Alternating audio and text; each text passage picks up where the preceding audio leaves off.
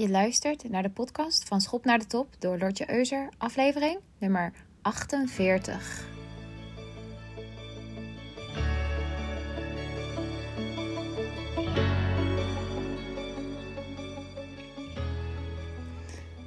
Welkom bij een nieuwe aflevering op deze zonnige woensdagochtend, middag, net middag geworden. Het is alweer even geleden dat ik mijn laatste aflevering heb gepost. En dat kwam omdat ik een beetje druk was. Ik had een sales challenge georganiseerd. En daarna was ik nog best wel druk ook met het lanceren van nieuwe programma's waar ik mee bezig ben. En um, ja, ik ben onlangs overgeswitcht naar het Engels. Ik heb een Engelse website. Ik, heb, uh, ik ben nu in, op het Engels aan het posten op Instagram. En er kwamen heel veel verschillende reacties op. Van mensen die het niet snapten. Mensen die zich afvroegen waarom. Mensen die zeiden ja, ik vind het wel lastig te volgen nu. Uh, mensen die me ontvolgden. Die dachten later. en uh, ja, dus ik moest ook weer eventjes bij mezelf terug naar binnen keren. Van ja, oké, waarom doe ik dit ook alweer? Waarom heb ik hiervoor gekozen? Uh, waar ben ik nu mee bezig? Waar ligt mijn hart? En hoe kan ik weer even de fun voor mezelf terugbrengen? Nou, en ik was ook bezig met het voorbereiden van een talk die ik gisteren heb gegeven met twee andere vrouwen op de uh, Female Tech Heroes conferentie in Eindhoven. Dat was echt ontzettend gaaf. En ik wil je vandaag meenemen in deze aflevering over waar ik heb, over heb gepraat en hoe dat zo'n beetje tot stand kwam. Uh, ik was namelijk gevraagd om uh, te praten samen met drie andere vrouwen, of eigenlijk twee andere vrouwen uiteindelijk, in een workshop over uh, sisterhood in business. Dat was ons onderwerp. En we wilden alle drie ons verhaal doen over hoe wij tegen sisterhood aankijken. En hoe we met z'n allen kunnen zorgen dat we als vrouwen elkaar meer gaan supporten en, en empoweren. Want dat is zo belangrijk als wij meer vrouwen naar de top willen brengen. Als we op top levels meer vrouwen willen laten plaatsnemen in besturen en in raden en op managementposities. Ja, dan kom je daar niet alleen. En is het ook belangrijk dat je ja, empowerende vrouwen en supportende vrouwen om je heen verzamelt. Nou, ik had een, eh, een vriend van me, Patrick, had ik gevraagd om me te helpen met de voorbereiding van deze talk. Die ging ook in het Engels plaatsvinden. En ik dacht van ja, wat wil ik nou gaan vertellen? Wat wil ik nou die vrouwen gaan meegeven in mijn praatje? En um, ja, toen, begon, toen eh, begonnen we te brainstormen. En toen gingen we terugdenken aan momenten dat ik heel sterk empowerment om me heen voelde. Of momenten dat ik dat helemaal niet voelde. En um, ik vroeg mezelf ook af van ja, heb ik ooit, heb ik me ooit bekritiseerd gevoeld door andere vrouwen? En hoe, hoe heeft dat dan impact gehad op mij, op mijn functioneren, op de manier waarop ik mezelf uh, uit? En ik moest best wel even diep graven, want in het begin dacht ik van ja, volgens mij niet. Volgens mij heb ik altijd wel stimulerende vrouwen om me heen gehad. Nou, toen ging ik diep graven en toen kwam ik er wel achter dat toen ik mijn uh, bachelor stage, mijn afstudeerstage liep bij een, uh, er was een kortstondige stage bij een uh, cosmetica of ja, bij een beautybedrijf. Het was echt mijn droom om daar stage te lopen. Maar uiteindelijk bleek mijn baas, ja, zeg je dat zo, of de manager die verantwoordelijk voor me was, zij bleek uiteindelijk toch niet zo heel aardig en encouraging te zijn. Uh, en had dat heel erg impact op de manier waarop ik functioneerde. Ik voelde me heel onzeker. Ik werd afgesnauwd. Er werd naar me geschreeuwd. Dus toen besloot ik na drie weken om daar het beltje bij neer te gooien en weg te gaan. En toen dacht ik, ja, wil ik dit verhaal gaan delen of is er nog iets anders wat ik kan delen op deze conferentie? En uiteindelijk kwam ik bij een ander verhaal terecht. En daar wil ik je eigenlijk in deze aflevering over meenemen of in meenemen. En um, ja, je merkt al dat ik een beetje naar woorden aan het zoeken ben. Meestal heb ik een perfect voorbereid verhaal. En nu doe ik het eigenlijk een beetje zo on the go. Maar dat geeft niet, want dat is ook lekker. Lekker spontaan. Dus um, ja, ik ga eigenlijk gewoon in deze aflevering vertellen over wat ik gisteren heb verteld op de conferentie. En um, wat ik jou daaruit wil meegeven. En wat jou kan helpen om ook weer andere vrouwen te inspireren. Maar ook om jezelf neer te zetten op een manier waar jij achter staat. En jezelf niet in te houden. Um, doordat je bang bent voor de reactie van anderen. Want het is zo belangrijk dat je jezelf kunt uiten, dat je je zelfexpressie zo kunt neerzetten alsof je het gevoel hebt dat ja, je niks in de weg staat. En hoe krijgen we dat nou als vrouwen meer voor elkaar? Nou, daar gaat deze aflevering over. Ehm, dus ik ga gewoon vertellen wat ik gisteren heb verteld. Toen ik uh, net was afgestudeerd van mijn communicatie bachelor en ik wilde gaan werken, zag de economie er heel anders uit dan nu. Nou, tegenwoordig liggen de banen voor het oprapen. En zodra je op LinkedIn neerzet, I'm open to work, dan krijg je sowieso elke dag wel een bericht van een recruiter of zelfs meerdere. Maar toen ik afstudeerde was het heel anders. De economie liep anders. Het was niet zo makkelijk om een baan te krijgen. En ik was ook een beetje zoekende in, ja, wat wil ik nou gaan doen? Wat, hoe kan ik nou zorgen dat ik meer ervaring opdoe in het werkveld? Dus ik besloot op een gegeven moment een traineeship te gaan volgen. En het was een traineeship informatiemanagement. En ik dacht, nou, daar kan ik veel ervaring op doen. Ik kan mezelf weer verder ontwikkelen en dergelijke. Dus dat is alleen maar mooi. Nou, en ehm, in zo'n traineeship word je dan op een opdracht of verschillende opdrachten gezet. En daarvoor moet je dus ook op uh, interviews gaan. Je moet ook op soort van sollicitatiegesprekken gaan. Nou, dus ik ging op die sollicitatiegesprekken. En als je me een beetje al volgt op Instagram of op LinkedIn, ik post regelmatig foto's, dan weet je ongeveer wel hoe ik eruit zie en hoe ik mezelf aankleed. En hoe ik, hoe ik mezelf eigenlijk presenteer aan de wereld. Nou, dat was toen vergelijkbaar. Want toen droeg ik al jurkjes en hakken en make-up en nagellak. En ik zag er altijd van top tot teen goed uit. Maar toch kreeg ik elke keer nee te horen uh, als ik een sollicitatiegesprek had gehad. Ik heb wel vier keer nee achter elkaar gehoord. En dat was helemaal niet omdat de opdrachten mij niet, ja, mij niet pasten. Of het was helemaal niet dat, dat ik de opdrachten niet aankon. Nee, want dat was al duidelijk. Ze lagen misschien zelfs een beetje onder mijn level. Maar ik was eigenlijk, ja, ik was, ik was ready to work. Dus ik dacht, nou, geef me maar gewoon werk. Ik ga wel aan het werk. Ik wil die ervaring opbouwen. Maar ik kreeg toch nee na nee te horen. En ik, ik raakte een beetje onzeker. Ik dacht, ja, jeetje, wat doe ik nou toch fout? Wat, wat, wat zorg nou voor dat ik, dat ik het maar niet voor elkaar krijg? En er was een accountmanager op dat moment, die ging dan met me mee naar die gesprekken. En je werd perfect voorbereid op alle sollicitatiegesprekken. Wat heel fijn was, maar toch lukte het niet. En dat maakte me onzeker en maakte me ook zoekende.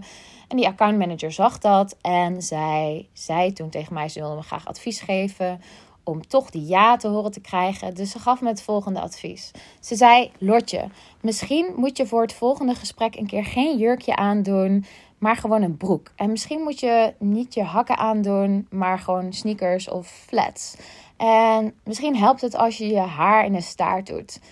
En toen dacht ik zo van, uh, maar waarom? En zei ze, ja, zodat je wat minder intimiderend overkomt op andere vrouwen. En toen dacht ik echt, wauw, zeg je dit nu echt? maar ik was, ik was nog zo jong en ik had zo weinig ervaring. En ik, ja, ik wilde gewoon alles uitproberen. Dus ik dacht, nou oké, ja, is goed, doen we dat als dat werkt. Um, maar het was heel erg ja, ik weet niet. Het voelde wel heel erg vreemd voor me. Maar ja, ik, ik wilde het uitproberen, want ik wilde ook graag een opdracht. Dus voor het volgende gesprek, en het was van een financieel, financieel instituut, was, uh, nou, kwam ik opdagen in een broek. En ik had platte schoenen aan. En ik had mijn haar in een staart. En ik kan je vertellen, ik heb me nog nooit zo oncomfortabel gevoeld in een gesprek. Het was zo naar. Het was zo ik voelde me zo onzeker, omdat ik echt dacht van ja, jeetje, dit ben ik eigenlijk helemaal niet. Zo, zo, zo kleed ik me niet als ik mezelf ben. En ja, het was gewoon heel erg lastig voor mezelf. Want ik begon mezelf ook af te vragen van ja, als ik me zo, zo moet voordoen, wil ik dan deze baan überhaupt wel? Als ik niet mezelf kan zijn. Maar goed, ik deed het. Ik ging dat gesprek in. En ehm, nou, de vrouw waarmee ik dat gesprek zij kon ook wel zien dat ik me heel oncomfortabel voelde. Want ik was super onzeker, kwam moeilijk uit mijn woorden, ik hakkelde. Ik twijfelde over alles wat ik moest zeggen in dat gesprek. Omdat ik dacht, oeh, kom ik nu te intimiderend over? Dus het was heel, ja, ik weet niet. Eh, het sfeertje was een beetje raar. Ik kwam moeilijk uit mijn woorden en dergelijke. Ik dacht, oh, dit gaat helemaal niet werken. En op een gegeven moment stelde die vrouw me de vraag van ehm, ja, hoe zit het met je communicatieskills? Dat is wel grappig. Als je communicatie hebt gestudeerd, dan vragen mensen altijd: Oh, kun je nu heel goed Nederlands? Weet je, ik krijg altijd die flauwe opmerkingen. Maar goed, ze vroeg me van ja, hoe kun je ook communiceren met mensen die zelf niet zo communicatief vaardig zijn? En toen antwoordde ik van nou, weet je, ik heb een relatie met een uh, IT-nerd. En als ik met hem kan communiceren en als ik met hem in een relatie kan zijn, dan kan ik basically met de hele wereld communiceren. gooi het er gewoon zo uit. En dacht ik, oh god, dat heb ik nu weer gezegd, weet je wel. Maar goed. En eigenlijk was dat de icebreaker in dat gesprek. Want ik moest lachen om mezelf. Die vrouw moest heel erg hard lachen. En uh, dat was echt een soort van: oké, daar kwam de echte Lotje weer tevoorschijn, weet je wel. En dat leidde er ook uiteindelijk toe dat ik voor het tweede gesprek werd uitgenodigd.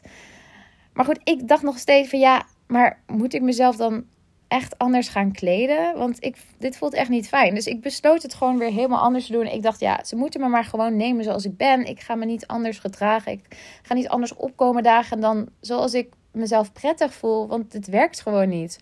Dus voor het volgende gesprek gingen de heels weer aan. Het jurkje ging weer aan. Haren gingen lekker los. En gefeund. En uh, ja, ik kwam naar het tweede gesprek. En uh, ik denk dat dat voor hen voelde als soort van frisse ja, hoe zeg je dat? A breath of fresh air. Ik weet niet helemaal hoe je het in het Nederlands zegt. Ja, als een frisse wind. Um, en dat konden ze denk ik op dat moment wel gebruiken. Want het was namelijk een functie op een IT-afdeling. nou, en als je IT een beetje kent, zijn dat meestal niet de meest... Ja, de mensen die daar werken zijn niet de meest uh, frisse types. Mag je dit zo zeggen? Nou, ik zeg het lekker toch. Dit is ook een uiting van zelfexpressie. Dus ik kreeg de baan, dus ik was super blij. Maar toch deed het me ook nadenken over van ja, wat is het toch met ons vrouwen dat we elkaar, dat we ons geïntimideerd voelen door andere vrouwen zo snel? Waarom hebben we toch die competitieve drang om andere vrouwen te bekritiseren en in plaats van te empoweren? En wat maakt het nou dat we als vrouwen ja, elkaar als competitie zien? En ik denk dat dat komt omdat we nog niet heel veel voorbeelden hebben van vrouwen die miljonair zijn. Vrouwen die in de top levels zijn. Vrouwen die ontzettend grote promoties hebben gemaakt. Daar ontzettend trots voor zijn en dat volledig ownen. Um, waardoor we denken dat als een vrouw in onze omgeving die toppositie krijgt, dat we dan geloven dat er voor ons geen plek meer is. Omdat we het simpel simpelweg niet vaak genoeg zien. En dat is ook een van de drivers geweest om met mijn bedrijf Schop naar de Top te beginnen. Omdat ik graag wil laten zien van hey, juist als je ziet dat andere vrouwen het ontzettend goed doen. Als andere vrouwen promotie maken, als andere vrouwen geweldige stappen maken in hun leven, laat alleen maar zien dat het voor jou ook mogelijk is. En kun je dit juist als ja, fueling power gebruiken voor jezelf? In plaats van dat je denkt van, oh nee, shit, uh, nou heeft zij het al gedaan, nu kan ik niet meer. Nee, zij heeft het gedaan, dus ik kan het ook. Want als zij het kan, waarom zou ik het dan niet kunnen? En zo kunnen we als vrouwen elkaar meer supporten.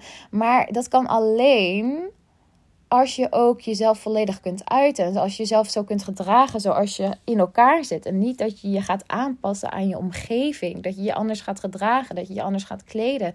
Ik weet dat best wel veel vrouwen kritiek krijgen of commentaar van hun collega's op de manier waarop ze eruit zien. Vooral ook van mannelijke collega's, maar ook van vrouwelijke collega's. Vrouwen hebben toch altijd wel snel een woordje klaar of een kritiserend kritiserend commentaar, weet je wel, over, oh, kijk nou wat zij weer aan heeft of zo, weet je wel. Daar schieten we heel snel in, omdat we, ja, omdat we niet, omdat we nog niet elkaar genoeg supporten. Dus in mijn talk gisteren probeerde ik die vrouwen aan te sporen om nou, ten allereerst zichzelf vrij te voelen, om zichzelf zo te gedragen als zij willen, om hun sterke meningen gewoon te uiten, omdat als zij het kunnen, dan kunnen ze daar andere vrouwen ook weer mee inspireren. Als jij je als vrouw volledig als jezelf gedraagt, volledig jezelf omarmt. In de manier waarop jij komt opdagen. In de manier waarop jij je mening klaar hebt. Op de manier waarop jij dingen ziet. Jouw visie echt uitspreekt naar de wereld. Kan dat weer zo inspirerend zijn voor andere vrouwen. En niet alleen dit is belangrijk, dat je het zelf uitvoert op actief level. Maar ook proactief gezien dat je andere vrouwen daarin ook aanspoort en support. En bekrachtigt. Dus dat je ook tegen andere vrouwen zegt van wauw, wat zie jij er geweldig uit. En wauw, wat doe jij het toch ontzettend goed. En wauw, wat heb je die meeting goed geleid. En wauw, wat maak jij geweldige doorbraken. Ik ben zo trots op je. En wauw, wat zie je er fantastisch, wat zie je er vandaag fantastisch uit. In plaats van dat we denken, oh, oh, weet je wel. Uh, nee, spreek het gewoon uit. Want zo kunnen we echt de dynamiek die gaande is ombuigen naar een positieve safe space, een positieve omgeving waarin vrouwen ook het gevoel hebben dat we onszelf kunnen zijn. Maar die moeten we met elkaar creëren. We moeten met elkaar een safe space creëren. En dat kan alleen als wij zelf ook zo proactief zijn om daaraan bij te dragen. Dus ik wil je met deze aflevering ook aansporen om bij te dragen aan zo'n positieve en open omgeving waarin andere vrouwen om je heen zichzelf kunnen zijn. En daar kun jij zelf aan bijdragen door ze te bekrachtigen, door hen te supporten, door hen complimenten te geven, door een luisterend oor voor hen te kunnen zijn, maar ook door zelf jezelf kwetsbaar op te stellen. En um, voor mij is het ook niet altijd even makkelijk geweest om mezelf te zijn. Nou, denk aan dat, dat, dat interviewmoment dat ik mezelf als iemand anders moest voordoen. Maar uiteindelijk heb ik mezelf er doorheen geleid en heb ik bepaald wat voor mij belangrijk is. En ik wil dat jij dat ook gaat doen. Dat jij voor jouzelf gaat bepalen wat is nou belangrijk voor mij en hoe wil ik komen opdagen. Hoe wil ik mezelf laten zien aan de wereld? En hoe voelt dat? En kan ik daarin vrij zijn? En kan ik ook diezelfde omgeving creëren voor de vrouwen in mijn omgeving? Kan ik hen ook daarin supporten om op te komen dagen zoals zij, zelf zijn? En kan ik hen complimenten maken? En kan ik hen uplevelen? En kan ik ze misschien ook wel voor een promotie voorstellen of zo? Weet je, er zijn zoveel manieren waarop wij vrouwen nog ja, zoveel terrein te winnen hebben. En het begint echt bij jezelf. Dus vraag jezelf nu je dit luistert. Ik vind het heel fijn dat je nu nog steeds luistert. Uh, vraag jezelf af: oké, hoe kan ik zelf proactief bijdragen aan een omgeving waarin vrouwen kunnen thriven? Ja, weer zo'n Engels woord. Hoe, hoe zeg je dat in het Nederlands? Ik heb geen idee. Maar hoe vrouwen echt zich volledig zichzelf kunnen omarmen. En niet het gevoel hebben dat ze zichzelf hoeven in te houden.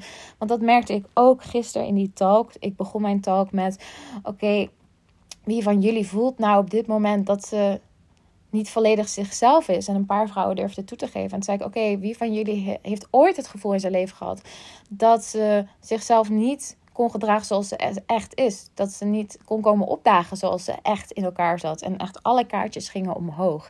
En dat laat zien dat wij als vrouw zijn onszelf vaak toch nog inhouden. Omdat we bang zijn voor de kritieken vanuit onze omgeving. Omdat we bang zijn voor de meningen van anderen.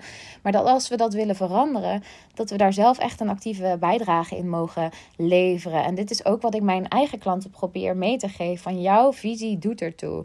Jouw mening doet ertoe. Zoals jij tegen dingen aankijkt, doet ertoe. En daarom is het zo belangrijk dat je jezelf uitspreekt. Dat je het niet voor jezelf houdt, maar dat je het uitspreekt naar de wereld. Zodat je daar andere vrouwen weer mee kunt inspireren. En zo kunnen we de wereld veranderen. En kunnen we een safe space creëren voor vrouwen die graag willen ja, die graag promotie willen maken, die graag miljonair willen worden, die graag willen thriven in een business. Zodra ik zie dat andere ondernemers, andere vrouwelijke ondernemers het fantastisch doen, dan ben ik oprecht heel blij voor hen. Want ik denk, ja, jullie zetten weer een nieuw voorbeeld neer, een nieuw standaard van wat mogelijk is.